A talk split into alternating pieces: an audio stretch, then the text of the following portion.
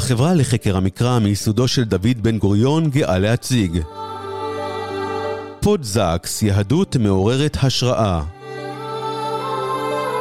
מסע בעקבות עולמו של הרב לורד יונתן זקס, זכרו לברכה.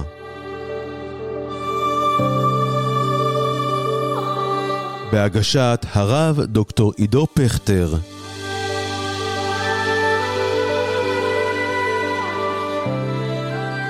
שלום לכם, ברוכים הבאים לעוד פרק מסדרת הפודזקס, סדרת הפודקאסטים בה אנו יוצאים למסע בעקבות עולמו, הגותו ומחשבתו של הרב הלורד יונתן זקס, זכרו לברכה. לי קוראים עידו פכטר, והיום אנחנו נדבר על מנהיגות בעולמו של הרב יונתן זקס. מעבר להיותו רב, אה, מחנך, אה, פוסק הלכה, איש הגות, הרב זקס גם היה מנהיג. הוא הנהיג קהילה, הוא הנהיג אחר כך את כל יהדות האנגליה.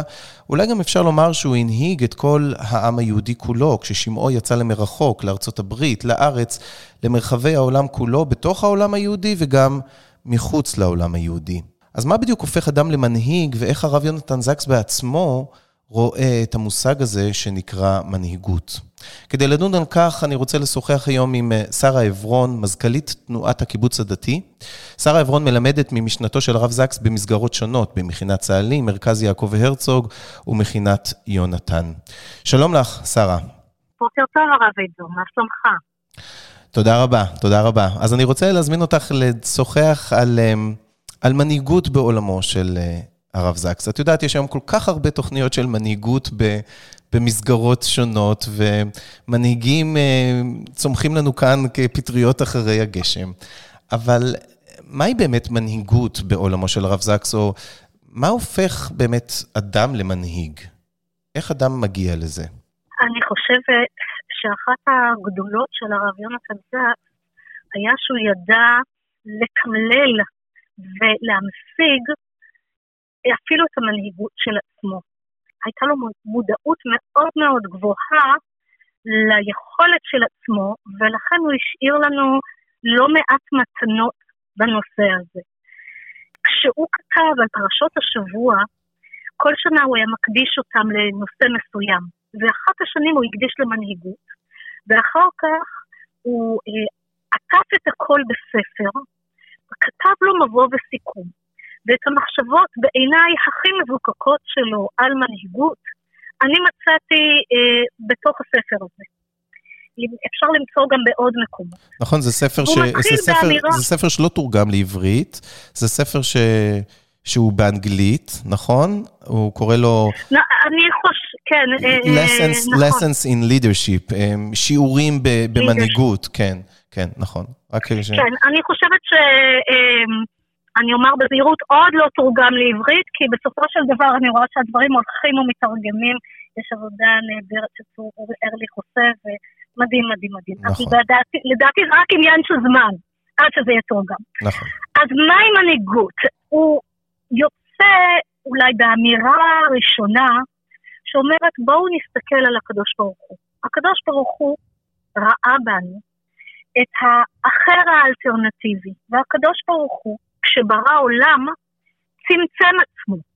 בתפיסות אנחנו מכירים את הרעיון של סוד הצמצום מהמיסטיקה היהודית ומהתפיסות הקבליות, והרב זקס לוקח את המונח הזה ואומר, אלוהים הוא האחר האלטרנטיבי של, שלנו, ואנחנו שלו.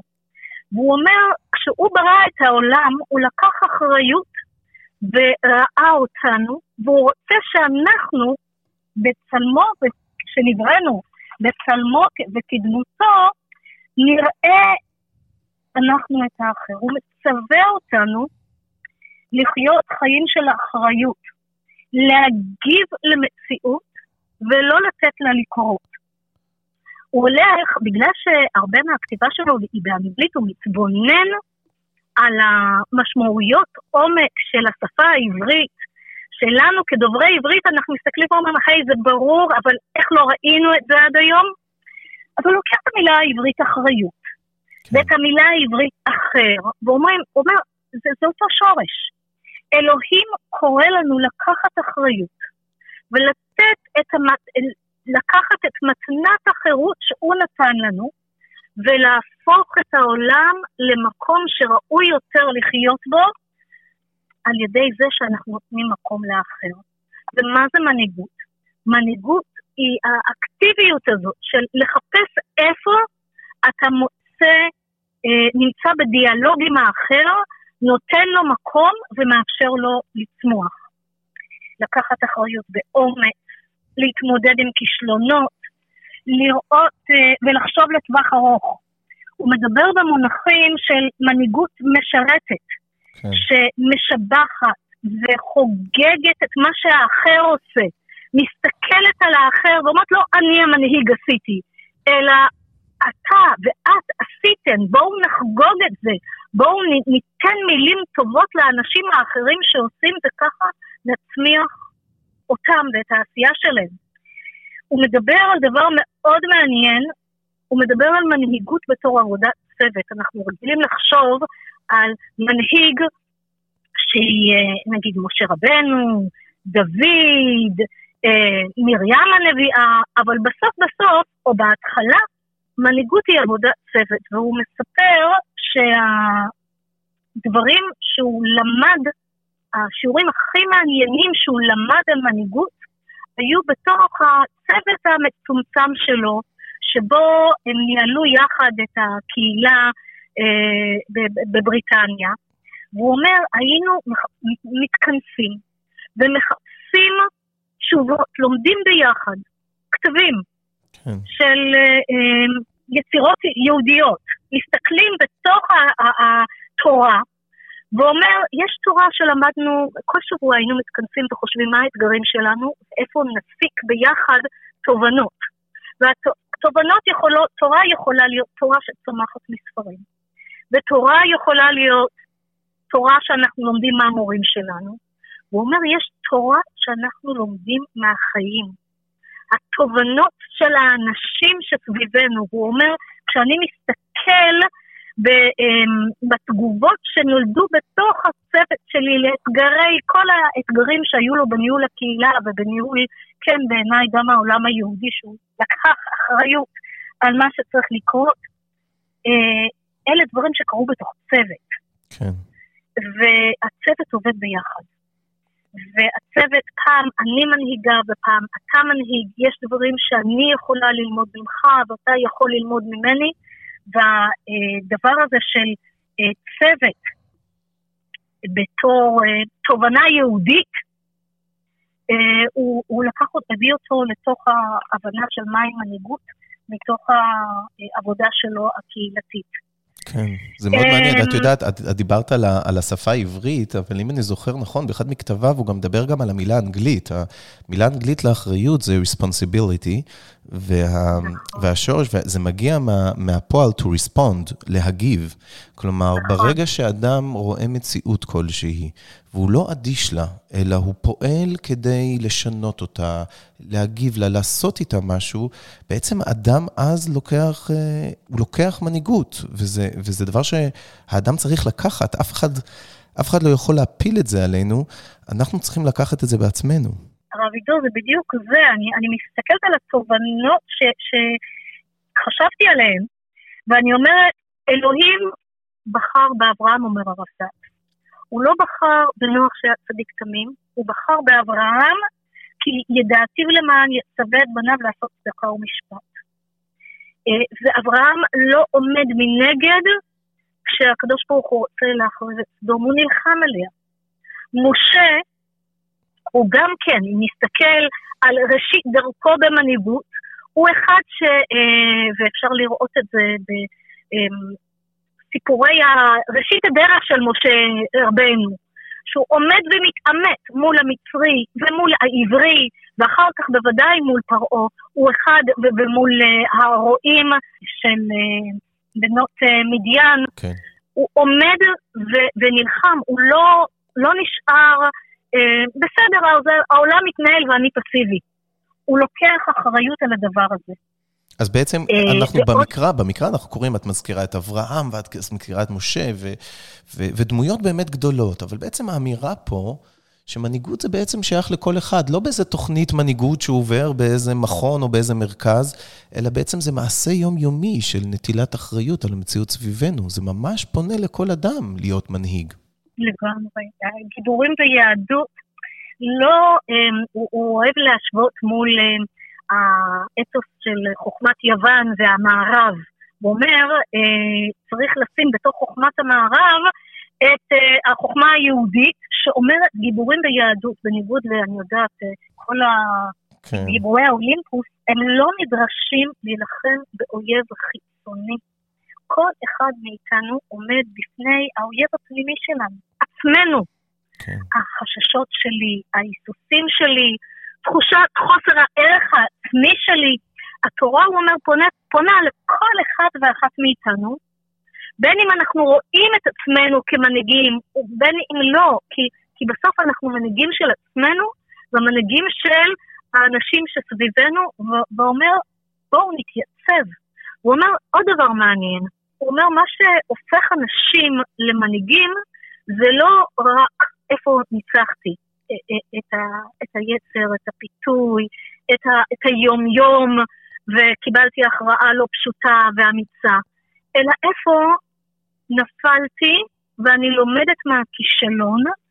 אה, מעניין, הוא מתיישב על איזושהי אמירה של צ'רצ'יל, כן. הרי הוא אלוף היה בלחבר בין אמירות שמגיעות מהעולם הסובב אותנו נכון. ומגיבות אליהן, לבין מה שמביאה תורת ישראל. הוא אומר, מביא איזו אמירה של צ'רצ'יל שאומרת שמה שהופך מנהיג למנהיג זה איך הוא אה, מכישלון לכישלון ממשיך ללכת ולא מוותר כי, כי הוא מאמין שננצח. כן, הוא אומר, הוא, אומר את זה, הוא אומר את זה ששאלו את, אה, שאלו את צ'רצ'יל, אני חושב פעם שאלו את צ'רצ'יל, אה, האם, האם הוא נכשל אי פעם, אז, אז הוא צחק ואמר, מה זאת אומרת, אני נכשל כל פעם, אבל הגדולה היא לעבור מכישלון לכישלון מבלי לאבד את ההתלהבות. זה הציטוט המדויק. נכון, נכון, נכון, זה הציטוט המדויק. אה, ואם תרצה, אני אקח את זה גם לאנשים, אה, אני מאחת האוניברסיטאות הגדולות בארצות הברית, אה, של חפץ ולנסקי, שכתבו על מנהיגות, וגם שם הוא, הוא לוקח איזושהי תורה כללית שקיימת בעולם, ואומר, תשמעו, הם כתבו שמנהיגות זה איך להתמודד עם הסכנות שלה. הוא אומר, וואו, פתאום נפל לי האסימון, אני לא יודעת אם הוא אמר אסימון, נפל לי האסימון, זה לא אמר נפל לי האסימון, אבל קיבלתי תובנה, יש מונח שקוראים לו סכנת המנהיגות.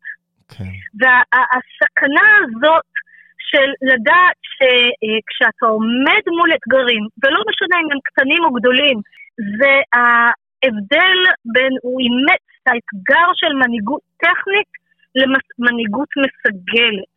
והוא אומר, איפה אנחנו חוזרים, ואומרים, יש משהו שהצליח לנו. אמרנו פעם שעברה, נכה על הסלע ויצאו ממנו מים. אז אם הפעם, וזה הצליח לנו, אז בואו נכה עוד פעם על הסלע, וזה לא עובד.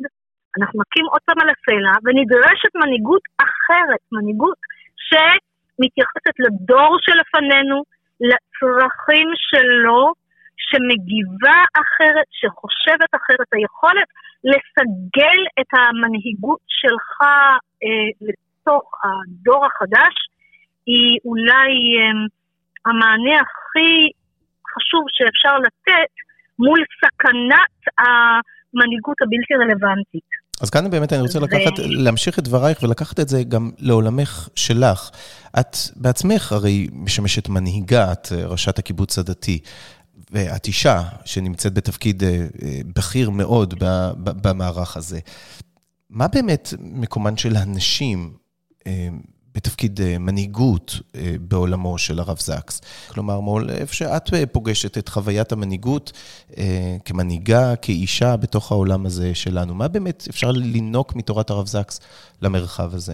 הרב זקס כתב הרבה על מנהיגות והתייחס למקומן של נשים אני חושבת שהמקום הכי מובהק שהוא מתייחס לזה זה פרשת שמות.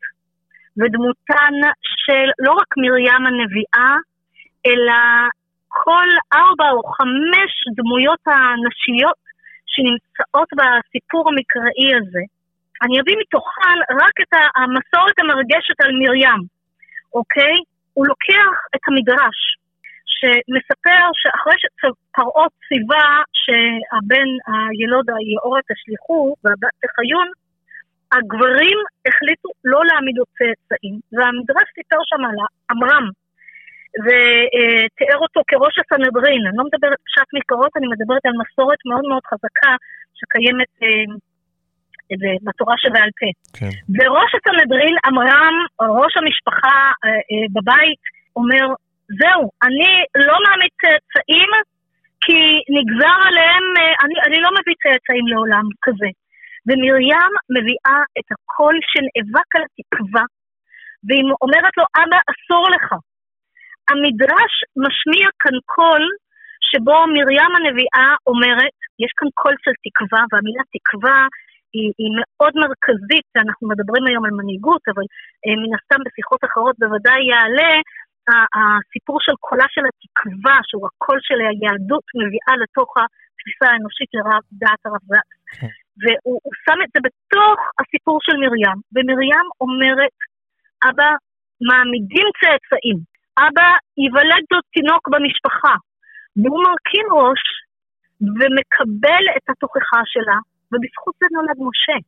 כן.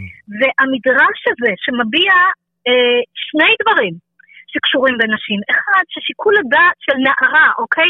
היא לא רק שהיא אישה, היא גם במדרג, היא, היא לא בראש בית הדין, והיא לא שום... היא, היא, היא נערה צעירה. הוא מכיל הרבה יותר אמונה ממה שה... מי שנשא במשרה הכי חזקה והכי אה, מובילה במנהיגות. זאת אומרת, אה, אה, המקום של נשים לבוא לפעמים דווקא מהמקומות הבלתי פורמליים כן. ולהגיד, חברים, יש כאן סדר יום, חברות, בואו, יש לנו קול מאוד משמעותי.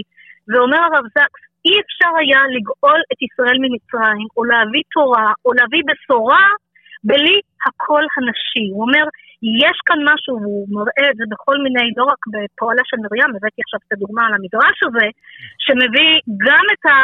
אמ, משה היה חייב לצידו קולות נשיים משמעותיים. כן. לא משניים, יש להם שמות, יש להם פנים, יש להם אמירה, אם זה שפרה ופועה, אם זה יוכבת, אה, אה, אה, אם זה אה, בת פרעה שמקבלת אה, שם אה, בחלק מהמדרשים לפחות.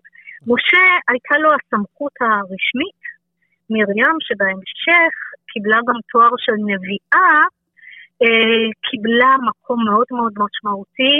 וזה אה, דבר שמשמעותי לנו מאוד בבניית התפיסה של מקומן של נשים. אז כאן באמת יש כאן... ואני חושבת מזה השראה. כן, יש כאן באמת תפיסה באמת, אה, באמת מרתקת וקריאה גדולה לכל אדם באשר הוא. זה לא משנה מה הפוזיציה שלך או באיפה אתה נמצא. אם אתה רוצה מנהיגות ואחריות, תיקח אותה. תיקח אותה מהמקום שלך, וגם אם אתה לא נמצא בדיוק באותו מעמד שהעניקו לך, שמאפשר לך לפעול דברים, אבל כל אדם יכול לעשות בעצם הכל אה, מבחינת האחריות שהוא לוקח. בכל מקום שהוא נמצא, בין אם זה בקהילה או במשפחה או בחברה, אה, במקום העבודה, תיקח אחריות על אל תחכה שיעניקו לך אותה, וזה בעצם הקריאה הגדולה לאחריות, הקריאה הגדולה למנהיגות, שכמו שאת אומרת כל כך יפה, אנחנו למד, למדים את זה דווקא מן המסורת, שאלוהים בורא את העולם ובעצם שם אותנו כאחראים, כמנהיגים על עולמו, להמשיך ולפתח אותו. אני, אני ברשותך עוד אוסיף משהו קטן, כן. יש את ההבדל בין אה, אה, מנהיגות שבאה ממקום של סמכות. זאת אומרת, נתנו לך תפקיד, שמו לך כתר על הראש. האם הסמכות שלך מביאה למנהיגות או לא? והוא אומר, שימו לב ביהדות, לפעמים למלך הייתה סמכות אדירה, אבל הוא השתמש בה לא נכון, או לא השתמש בה כלל. שאול כדוגמה שלא אה, אה, לא ראה את עצמו אה, במקומות מסוימים פועל. מול זה נביאים נביאי ונביאות ישראל לא הייתה להם סמכות, אבל אה, הקול המוסרי שלהם, המנהיגות שלהם, מהדהדת לאורך הדורות עד עצם היום הזה. אם נחשוב על אה, חולדה או דבורה או, או אה, ישעיהו, מיכה, כאילו, מי שלא תרצה תביא קול של נבואה, היא, זה מנהיגות בלי, בלי סמכות רשמית, אבל עם כל כך הרבה השפעה, זה מעורר השראה בעיניי. בהחלט. אה, ננסה, נרצה לחתום אה, בציטוט. אה, ציטוט שאת רוצה להביא מכתביו של הרב זקס, להשמיע את קולו בקולך בנושא המנהיגות. את רוצה לשתף אותנו? אמ, אני, אני חושבת, מכל הדברים של הרב זקס, אני רוצה להביא את הקול שאומר, קהילה היא המקום שבו מכירים אותי בשמי ומכירים את פניי. ולצורך מנהיגות, המקום שבו אני מאפשרת מרחב להצמיח אנשים שרואים, מסתכלים ורואים את צלם אלוקים בפניהם של השותפים האחרים בקהילה, יוצרת קהילה שלמה של מנהיגים, יוצרת עם עם שהוא כולו מנהיגים, כי הם יודעים לצמצם את עצמם, יודעים לראות את קנה האלוקים בפניהם של שותפיהם האחרים אה, בקהילה, וזה אה, כל כך חשוב. אה, אני חושבת שאני רוצה לסיים, לסיים עם זה. כן. אה, מנהיג גדול באמת, אומר הרב זקס, וזה הוא למד מהמסע הגדול שלו לאמריקה בשנת 68, ומה שהוא למד אצל הרבי מילובביץ', מנהיג גדול באמת, זה לא זה שיש לו המון המון מונהגים, מנהיג גדול באמת, מנהיגה גדולה, מייצרת מנהיגים ומנהיגות, והיכולת להסתכל 360 מעלות סביבי, ולייצר שינוי משמעותי של אם אתה, את מאפשר לשנות חיים של אדם אחד ברגע אחד במקום מסוים, הפעולה הזאת תייצר אדוות של מנהיגות. יפה מאוד. תודה רבה, שרה עברון, מזכ"לית תנועת הקיבוץ הדתי. תודה רבה שהיית איתנו בפרק הזה על מנהיגות בכתבי הרב זקס. ועד כאן עוד פרק בסדרת הפוד זקס, מסע בעקבות הגותו ועולמו של הרב יונתן זקס. אני עידו פכטר, שמחתי להיות איתכם בפרק הזה. נשתמע בפרקים הבאים. האזנתם לפודקאסט פודזקס, מסע בעקבות עולמו של הרב לורד יונתן זקס, זכרו לברכה, בהגשת הרב דוקטור עידו פכטר. החברה לחקר המקרא מיסודו של דוד בן גוריון מבקשת את תשומת לבכם לתרומה להמשך פעילות העמותה. לפרטים נוספים, כנסו לאתר www.המקרא.org